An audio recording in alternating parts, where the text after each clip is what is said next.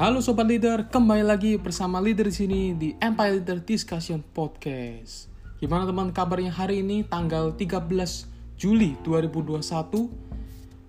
Kita kembali lagi hari Selasa, semoga teman-teman sehat-sehat selalu, semoga kalian harus bisa terus menjaga kesehatan dan terus beraktivitas supaya dengan kalian bergerak kalian akan mendapatkan keberuntungan dan kesempatan yang kalian akan dapat. Kalau misalnya kalian diem aja di rumah nggak ngapa-ngapain, kalian cuma mikir, mikir boleh sih, tapi nggak boleh berlebihan ya teman-teman. Karena kalau berlebihan, kalian nggak gerak, nggak take action, ya kapan kalian bisa capai keinginan kalian. Nah, sekarang kita akan kembali lagi ke part berikutnya, buat millennial kills everything. Leader akan bahas lagi 5 produk apa aja yang akan menghilang, yang akan sudah nggak akan kepake lagi buat di masa depan. Kalau ini semua leader bahas di Millennial Skills Everything di bukunya ini. Untuk penjelasan soal Millennial Skills Everything singkatnya kalian bisa nonton episode ke-11 atau ke-10 pokoknya pengenalan soal Millennial Skills Everything. Dan kita akan lanjut ke produk sekarang udah produk ke-36 sampai produk ke-40 mungkin tiga episode atau mungkin dua episode lagi akan selesai dan kita akan bikin segmen yang berbeda. Oke, semoga kalian enjoy sama podcast ini, kalian bisa dengerin. Sebelumnya kalau kalian mungkin ingin menjadi pengusaha atau mungkin ingin jadi ya entrepreneur, kalian bisa lihat produk-produk ini. Kalau misalnya kalian merasa kalian ingin jadi entrepreneur dan ingin melaunching produk yang salah satunya dari 50 produk ini mungkin kalian bisa pikir ulang atau mungkin kalian bisa adaptasi dari produk-produk ini gitu. Kita nggak tahu ya 10 tahun atau 20 tahun ke depan apakah emang produk ini emang akan tidak akan kepake lagi dan ada beberapa produk yang nggak expect ternyata wah ini bisa hilang gitu. Kalian bisa lihat produk-produk episode-episode sebelumnya dan sekarang kita akan lanjutin produk selanjutnya. Oke, mari kita mulai. Jadi produk pertama yaitu bukan produk ya tepatnya, lebih ke budaya, yaitu materialisme. Mungkin rata-rata udah dibahas ya, ini sebelumnya soal materialisme bahwa kalau kita lihat soal generasi, ciri-ciri generasi sebelumnya, generasi sebelumnya itu mereka beli barang itu bukan tidak hanya cuma kebutuhan, tapi mereka juga ingin beli barang itu untuk status dan juga untuk ya sifatnya bisa hedonism gitu. Bisa untuk pamer ke orang bisa ke, ke istilahnya kayak wah aku punya barang bagus nih ke orang-orang supaya orang bisa punya pay attention buat kalian.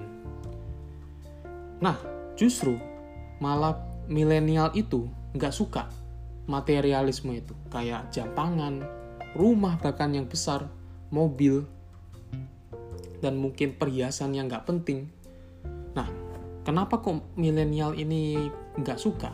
Nah, ini langsung kita bahas. Yang pertama,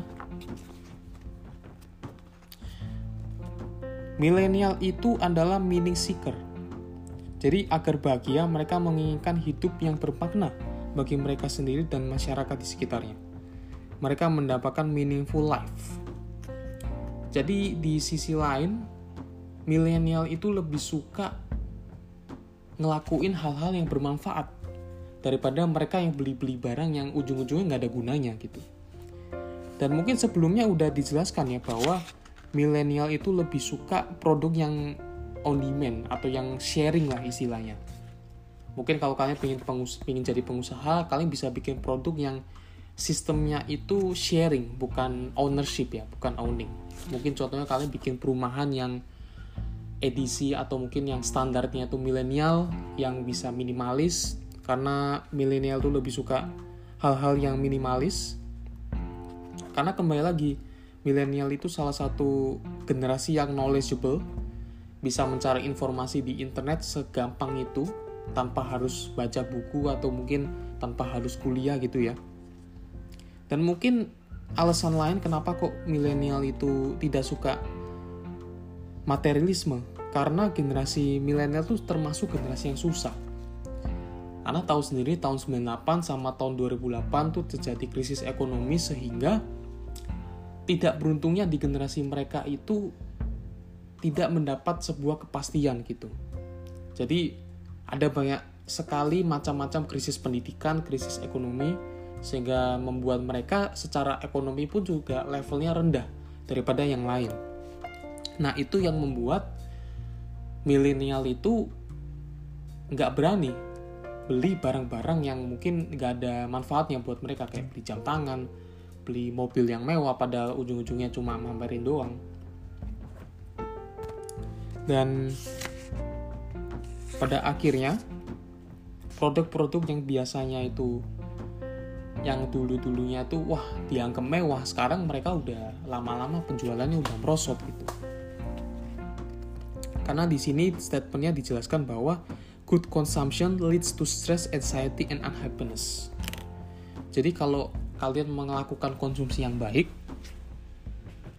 kalian bisa mengurangi yang namanya stres, eh, keraguan atau mungkin anxiety itu apa ya bahasa Indonesia-nya? Uh, ya keraguan-raguan atau mungkin kepanikan ya, sama ketidakbahagiaan dengan kalian mengkonsumsi yang baik, kalian bisa mengurangi hal-hal yang tadi itu. Contoh aja rumah, milenial tuh cenderung menunda memiliki rumah loh, menunda bahkan. Bahkan mereka tuh pingin ngontrak atau ngekos. Atau memiliki rumah berukuran kecil dengan kewajiban cicilan KPR yang kecil pula. Mereka tak mau kewajiban kepada bank menyandera kebebasan hidup mereka. Di sini jelaskan bahwa minimalis lifestyle betul-betul telah menjadi mainstream pada tahun 2020 dan seterusnya. Terus lalu apa yang akan terjadi? Tren tersebut menghasilkan new mode of consumption yang berpotensi mengurangi konsumsi yang beragam produk dan barang. Jadi contohnya kayak gadget, fashion, transportasi dan consumer goods, dan juga properti. Kalau misalnya gadget, era membeli gawai itu udah telah lewat. Penyebabnya ada dua.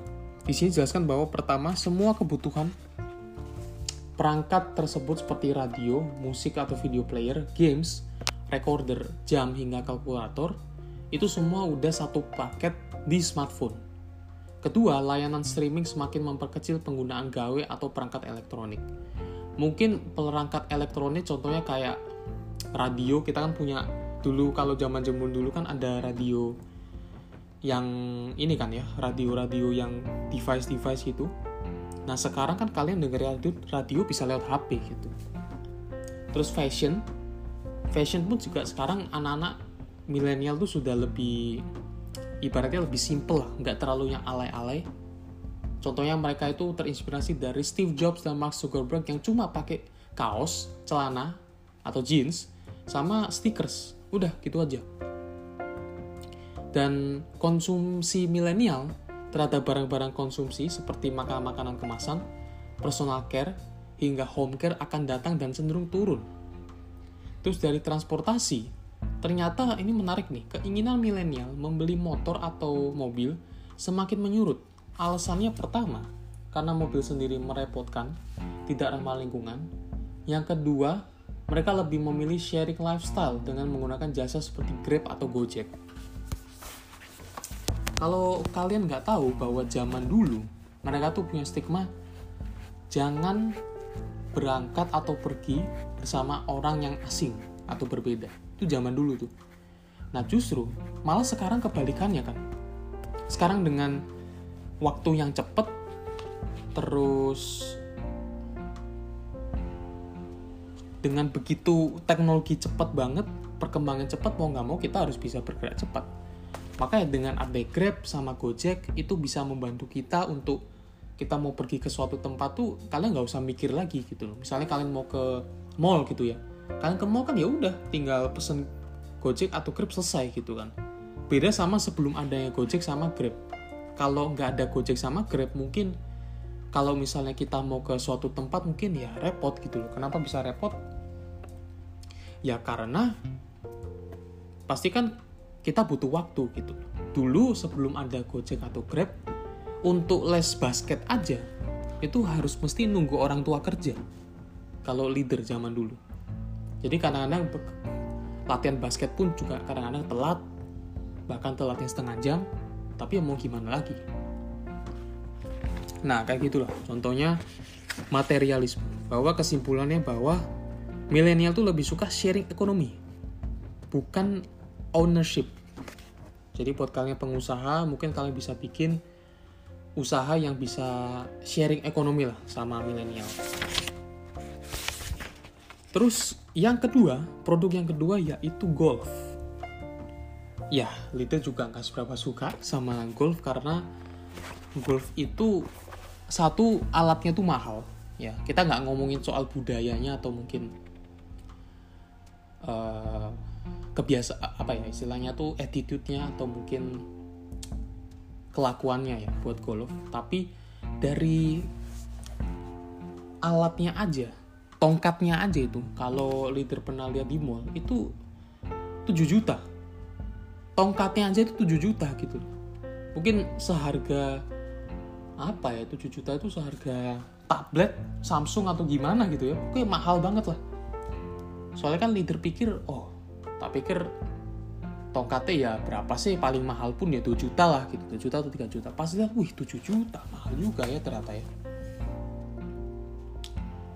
Dan Golf ini kenapa kok lama-lama bisa dikatakan sebagai produk yang akan hilang di masa depan? Karena Golf menurut leader sih kurang bisa beradaptasi sama kehidupan milenial sekarang ya. Yang mereka itu juga nggak seberapa mampu untuk beli tongkat yang segitu mahalnya. Apalagi sewanya gimana ya, berapa harganya tuh. Dan kalau kalian tahu bahwa zaman dulu peraturan pertandingan golf itu hanya boleh mereka ikut lomba golf itu hanya boleh untuk orang yang kulit putih sama orang yang punya ekonomi yang lebih tinggi lah ibaratnya yang ekonomi kelas atas itu yang membuat kebanyakan orang-orang yang mungkin kelas menengah atau mungkin kelas yang bawah mereka nggak ada atau mungkin yang kulit hitam mereka nggak dapat kesempatan untuk ikut pertandingan golf itu zaman dulu jadi zaman dulu itu golf itu udah dianggap stigmanya seperti itu. Orang punya olahraga orang kaya. Biayanya pun juga mahal kan kalau kalian tahu. Dan bisa dilihat di sini dengan terus golf itu punya stigma itu akhirnya milenial merasa bahwa golf itu nggak gue banget karena milenial di Amerika Serikat itu termasuk generasi yang bokek ternyata. Karena terkena resesi dan musibah student debt. Karena itu, mereka adalah value seeker yang cermat berhitung untuk setiap uang yang dikeluarkan. Jadi daripada dia main golf, memboroskan uang untuk bermain golf, mendingan dia beli peralatan yang atau mungkin mereka membeli kebutuhan yang lebih penting daripada cuma ya udah main golf aja. Dan di sini menurut survei dari National Golf Foundation, tingkat partisipasi pemain golf di AS itu turun 1,2 persen dari tahun 2016 ke 2017. Penjualan industri ini juga turun menjadi 3,57 miliar dolar di tahun 2017 dari tahun sebelumnya sebesar 3,6 miliar dolar. Terus nggak ketinggalan, jumlah klub dan kursus golf pun turun hingga mencapai posisi terbawah selama 10 tahun terakhir.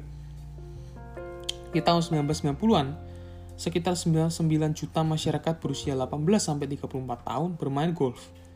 Sekarang, jumlah tersebut menyusut menjadi hanya 6,2 juta. Jauh banget ya. Atau turun sekitar 31 persen. Sementara menurut statistika, stat, statistika dari tahun 2012 sampai 2015, viewership dari turnamen golf US Open merosot dari 9,6 juta menjadi hanya 6,7 juta. Jadi bisa dibilang, bisa dibilang, bisa dilihat bahwa golf itu sudah nggak bisa relevan lagi sama milenial karena ya mungkin dari pengurusnya asosiasi golf ya harusnya bisa ngelihat gitu bahwa kalau mereka bisa pingin menyentuh pasar milenial mungkin harus bisa mengembalikan lagi euforia-euforia untuk bermain golf atau mungkin bikin peraturan yang bisa menolerin mereka dan mengajak semua masyarakat kalangan bawah atau atas juga ikut main golf. Dan kalau bisa alat-alat golf itu kalau bisa di ditekan angka yang lebih terjangkau gitu.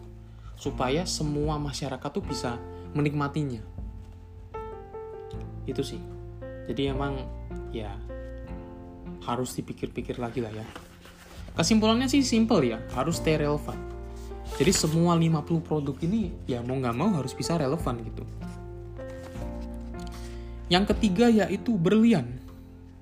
Di sini judul pertamanya, judul halaman pertama dijelaskan bahwa diamond is not millennials best friend. Kalau kalian tahu bahwa tahun-tahun 1940-an diamond itu is F is forever karena pada saat itu diamond itu disimbolkan luxury, legacy, heritage, and tradition.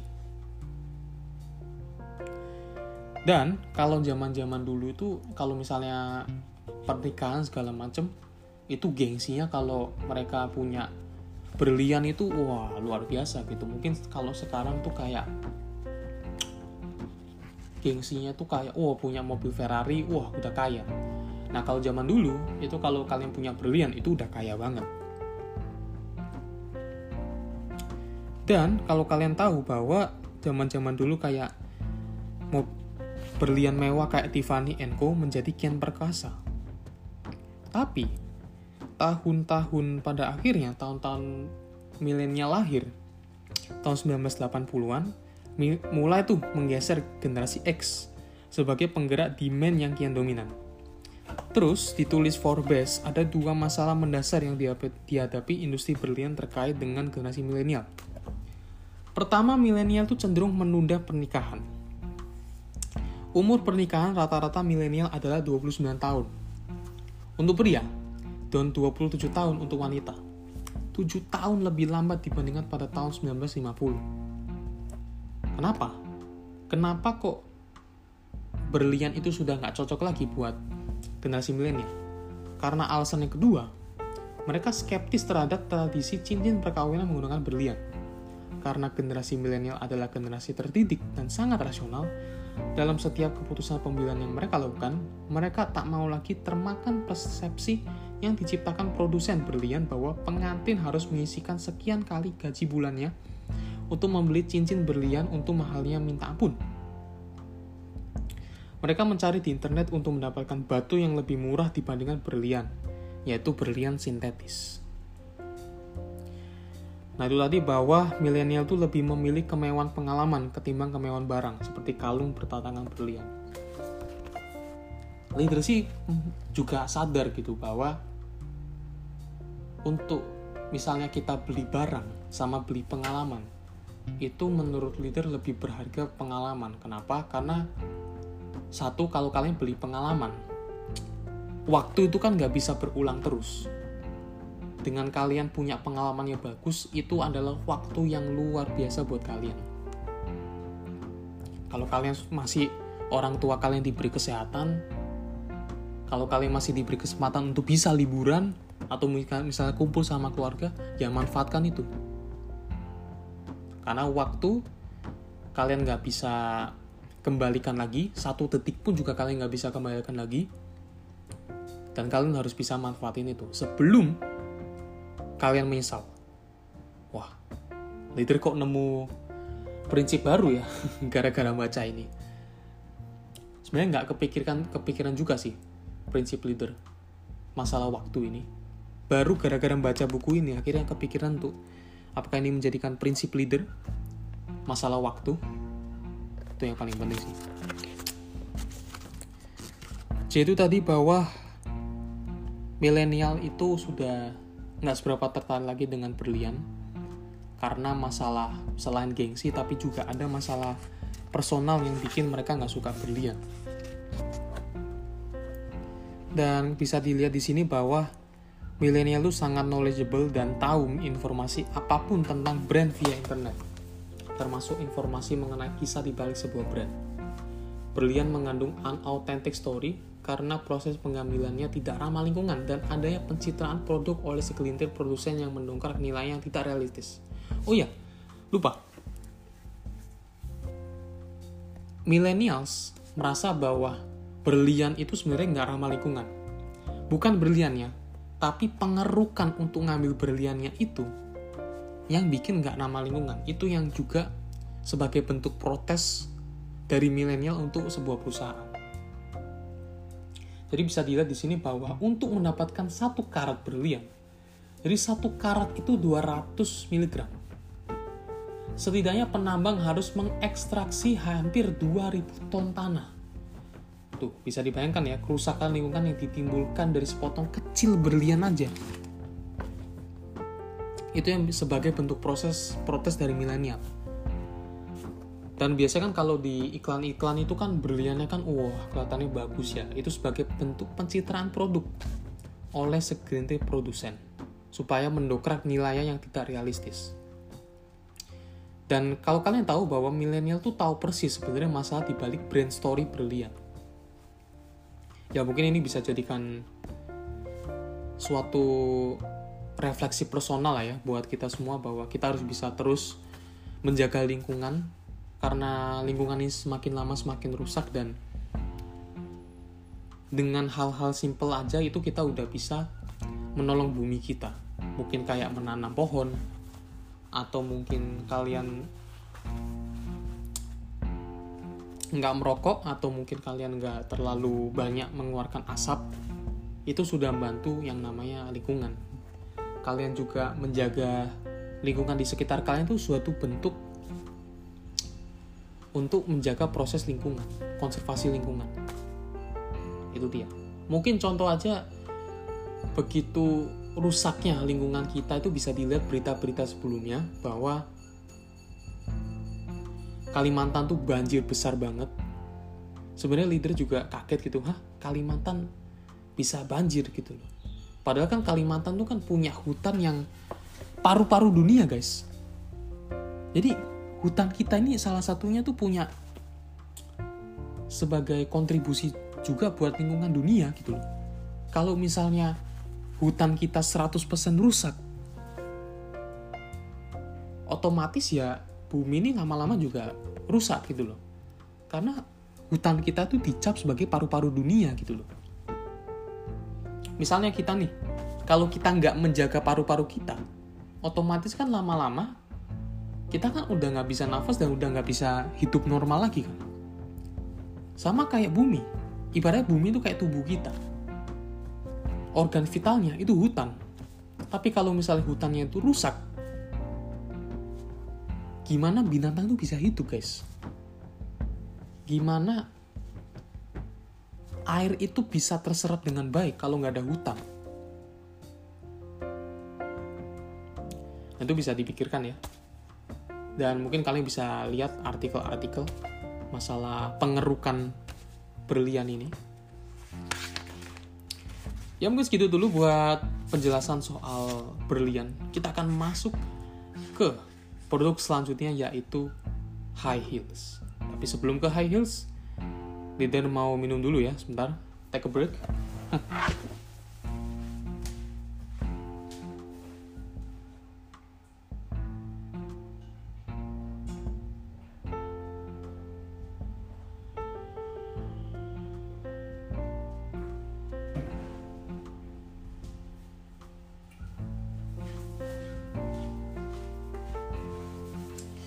Oke, kembali lagi bersama leader di sini. Udah minum, kalau kalian pengen minum, minumlah karena minum itu bisa meningkatkan metabolisme kalian. Dan yang pasti bikin kalian mengurangin dehidrasi. Karena kalau kalian dehidrasi, kalian nggak bisa fokus sama apa yang kalian kerjakan. Itu yang paling penting. Baik itu topik, kita kembali lagi yaitu ke produk selanjutnya yaitu high heels. Nah, kalau wanita zaman-zaman dulu kalau misalnya mereka kerja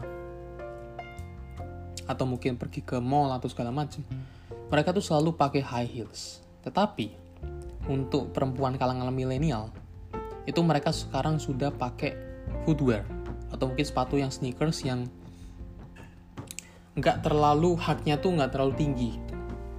Kenapa? Karena wearing footwear because they are comfortable, casual, fashionable, cool, and make them feel good about themselves. Itu sebabnya mereka lebih suka sneakers ketimbang sepatu hak tinggi. Tapi apakah milenial itu membunuh sepatu hak tinggi? Kita lihat di sini. Jadi menurut lembaga riset NPD Group tahun 2015, penjualan sepatu hak tinggi turun 5%, setelah tahun sebelumnya turun 16%. Sementara itu, penjualan sepatu atletik sneakers wanita justru tumbuh 8% di tahun yang sama. Dan wanita milenial itu semakin tidak suka sepatu hak tinggi karena sepatu hak tinggi mereka nilai tidak nyaman dan tidak casual dan merepotkan untuk beraktivitas. Bahkan high heels itu dinilai menyiksa kaki mereka. Dan mereka mau tampil apa adanya, mereka nggak mau nggak jadi dirinya sendiri. Itulah kenapa kok milenial akhirnya tidak suka sama high heels. Dan menyiksa loh guys kalau kalian pakai high heels.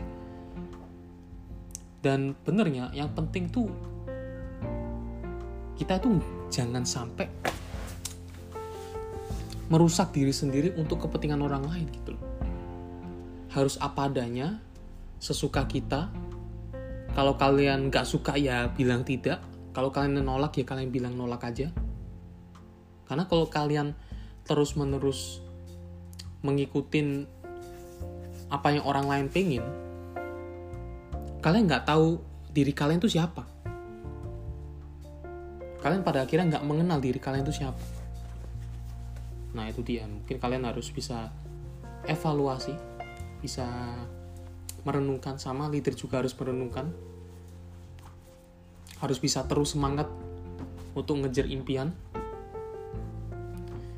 Kita kembali lagi ke topik bahwa kenapa kok milenial itu lebih suka sneakers? Karena wanita milenial sekarang itu lebih aktif dan lebih sibuk daripada wanita generasi sebelum-sebelumnya karena itu, pilihannya terhadap sepatu untuk bekerja dan beraktivitas pun mulai bergeser. Tentu saja mereka tetap ingin sepatu yang fashionable, namun kepraktisan, kenyamanan, dan fungsi menjadi pertimbangan yang semakin dominan. Tak heran jika tren sepatu wanita milenial semakin mengarah ke gaya sepatu yang praktikal, comfortable, functional, casual, di samping tentu tetap fun dan fashionable. Dan pilihan mereka jatuh kepada sneakers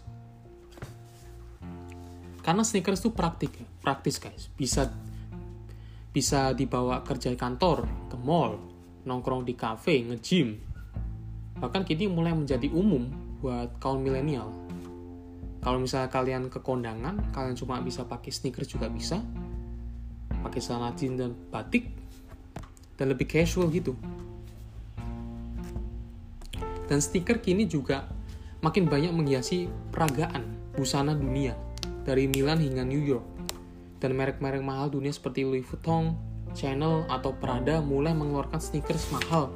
Mereka sangat fashionable. Mungkin contohnya kayak Kanye West sama Pharrell Williams, Adidas, Rihanna sama Puma, atau mungkin Adidas lain itu Beyonce, terus Under Armour sama Stephen Curry. Jadi sekarang itu zamannya yaitu at, at leisure, athletic and leisure. Jadi kalian pakai sepatu sneakers selain bisa digunakan untuk aktivitas kalian, tapi bisa dibuat untuk gaya-gayaan, fashion. Itu yang paling penting dan sekarang gaya hidup yang dilakukan milenial yaitu fitness millennials. Karena millennials itu lebih aktif, jadi dianggapnya fitness kan gerak terus kan dibandingkan generasi-generasi sebelumnya. Karena prinsip dari milenial itu bahwa healthy is wealthy, fitness and well-being is the new luxury. Kenapa bisa dibilang gitu? Karena dengan begitu cepatnya dunia, dengan begitu perkembangan zaman, lama-lama kita itu mengorbankan kesehatan kita supaya bisa ngikutin kecepatannya dunia ini. Sehingga kita ngorbanin tidur kita, kita ngorbanin pola makan kita, sehingga pada akhirnya hidup kita berantakan. Kenapa? Karena dasarnya kita kan pola hidup, makan harus teratur, tidur yang cukup, olahraga yang cukup, sebenarnya itu fondasi kita supaya kita nggak gampang stres supaya kita bisa lebih fit supaya bisa kita untuk bisa terus percaya diri itu yang paling penting jadi sekarang healthy itu sebuah kesehatan itu adalah sebuah hal yang mahal dan ke tempat fitness atau ke tempat hidup yang sehat itu salah satu luxury baru. Jadi selain cuma beli mobil-mobil mewah tapi kehidupan kita itu sebenarnya mahal guys. Bernilai. Itu yang paling penting. Mungkin ibaratnya tuh kalau kalian tahu seperti uang 100 ribu uang 100 ribu. Kalian lipat-lipat pelan-pelan. Terus kalian lipat-lipat lagi terus kalian ucek-ucek sampai rusak. Tapi kalau kalian tahu bahwa Kalian milih mana? Uang 2000 yang baru, yang bersih, yang fresh atau uang yang udah rusak? 100 ribu ini tapi uangnya udah rusak. Kalian milih mana yang pasti kalian milih 100 ribu tuh kenapa kalian milih 100 ribu karena nilainya banyak sama kayak hidup kalian kalau hidup kalian itu sering difitnah sering dicaci maki sering dibully sama kayak uang, bukan berarti kalian tuh nggak ada nilai. Pasti kalian tuh bernilai banget buat sekitar kalian dan buat diri kalian. Makanya, yuk, meskipun kalian itu direndahkan, bukan berarti kalian tuh nggak bernilai. Kalian tuh, hidup kalian tuh bernilai banget kok buat orang lain. Buktinya apa? Ya kita dilahirkan, kita diberi kesempatan untuk bernafas, kita diberi kesempatan untuk bangun, untuk menjalankan aktivitas kita. Itu satu hal yang bernilai guys. Dan mungkin bisa jadi refleksi buat kita juga. Itu tadi buat produk yang yang keempat yaitu high heels ada hubungannya sama kehidupan juga mungkin pembelajaran marketingnya dijelaskan bahwa millennials are convenience seeker to engage the brand must be convenient, simple, comfortable, practical, functional, and always casual, stay cool. Itu dia. Jadi harus ada hubungannya brand itu sama convenient, yang simple, yang nyaman, yang gampang, dan yang sesuai dengan kebutuhan, functional. Yang terakhir, yaitu motor gede atau Mugi atau Harley Davidson. Kenapa kok Harley Davidson ini tidak berkembang dan juga akan tidak akan orang-orang nggak akan tertarik karena brandingnya sendiri zaman dulu slogannya adalah putting heritage before innovation jadi Harley Davidson ini brandingannya itu lebih mementingkan warisan daripada sebuah inovasi. Jadi mereka itu merasa bahwa mereka itu istilahnya nggak mau inovasi lah. Mereka itu tetap stay di right di way-nya mereka. Itu tadi, mereka tetap menciptakan motor-motor gede tanpa harus memikirkan ke depannya itu seperti apa. Sehingga di zaman milenial ini penjualannya tuh turun drastis. Karena mereka nggak mau adaptasi, dengan brandingannya seperti itu lama-lama ya akhirnya mereka nggak bisa masuk ke marketnya milenial dan kalian dan kita tahu bahwa dunia ini kan ujung-ujungnya yang otomatis yang yang masih hidup kebanyakan milenial untuk generasi X sama generasi boomers kan lama-lama udah hilang ya kan? Dan mereka harus tahu bahwa dengan generasi X dan boomer sekarang yang umurnya semakin tua mereka kan udah nggak bisa pakai lagi toh. Mereka udah nggak bisa pakai lagi yang namanya motor gede. Dan mungkin ini yang harus bisa jadi renungan buat ownernya generasi milenial. Dan ternyata CEO Harley Davidson itu udah jelas bilang bahwa we have to shift from we build bikes to we build riders. Artinya, pekerjaan terbesar Harley Davidson di tengah kesenjangan generasi ini tidaklah cukup hanya menciptakan Mugi yang dibutuhkan milenial, tapi menciptakan generasi milenial yang membutuhkan dan membeli Mugi. Dan itulah pekerjaan yang amat besar yang sekarang milenial hidupnya tuh lebih minimalis. Nah itu dia. Dan value dari Harley Davidson seperti freedom, heritage, authenticity, rebellious spirit, togetherness, family yang di generasi-generasi sebelumnya begitu melegenda. Dan kalau kalian tahu bahwa Harley Davidson ini nggak punya branding, sehingga milenial tuh nggak memiliki emotional connection. Contohnya aja prinsip rebellious spirit. Rebel ala milenial kini bukan lagi diungkapkan dengan naik moge, dengan tato logo Harley Davidson dan jaket kulit jadul, tapi misalnya dengan bermimpi besar mengubah dunia dengan membuat startup semacam Gojek atau kitabisa.com. Di kalangan baby boomers, brand value tersebut agama kuat, begitu kuat sorry, diyakini bahkan sudah menjadi semacam agama. Seekor pakar, seorang pakar brand bahkan menyebut Harley Davidson sebagai brand religion. Namun di kalangan milenial, keyakinan ini tidak ada lagi. Nah itu dia. Milenial melihat Harley Davidson sebatas fungsional dan tak lagi brand religion. Celakanya secara fungsional Harley Davidson dinilai memiliki beberapa rapor negatif seperti sulit dan ribet dikendarai. Ini yang membuat milenial nggak seberapa suka. Dan juga suaranya keras dan bising, boros bahan bakar, dan tak ramah lingkungan.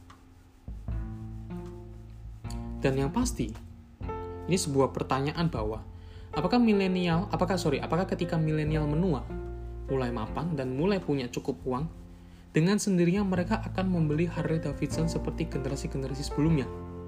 Belum tentu kan? Kalaupun jawabannya iya, Harley Davidson tuh nggak bisa lagi tinggal diam dan menunggu milenial hingga mereka menua dan membeli moge. Inilah yang disebut kesenjangan generasi. Itu yang paling penting guys. Mau nggak mau, milenial harus terus inovasi supaya bisa bertahan brandnya. Dan marketing lesson berikutnya dijelaskan bahwa waspada bahaya kesenjangan generasi. Jika brand Anda memiliki heritage dan legacy yang sudah melegenda puluhan bahkan ratusan tahun, hati-hati bisa jadi semua itu kini tidak relevan di mata milenial. Kalau itu terjadi, mau tak mau Anda harus melakukan brand rejuvenation agar brand Anda lebih milenial friendly. Itu tadi 5 produk yang udah dijelaskan sama leader di sini yang kalian harus bisa refleksi bahwa ke depannya dari 40 produk yang udah dijelaskan itu akan nggak akan kepake lagi di masa depan. Make sense? Tapi siapa tahu dari beberapa produk bisa berubah karena adaptasi, itu yang paling penting. Dan ya mungkin sekian dulu 5 produk yang udah leader jelasin di sini. Semoga kalian bisa terbantu dari podcastnya leader di sini. Sorry kalau misalnya leader sebelumnya nggak seberapa konsisten upload buat podcast. Semoga mulai kemarin kita kembali lagi untuk upload setiap hari tapi yang penting kualitas pun juga tetap terjaga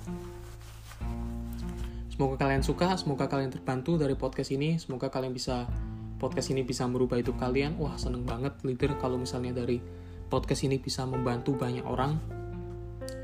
Awalnya hanya untuk menambah variasi konten, ternyata bisa menjadi dampak buat kalian semua. Thank you banget. Dan segitu dulu podcast buat episode kali ini. Semoga kalian suka dan dua episode terakhir soal millennial skill everything. Semoga kalian suka dan sampai jumpa di episode selanjutnya. Bye.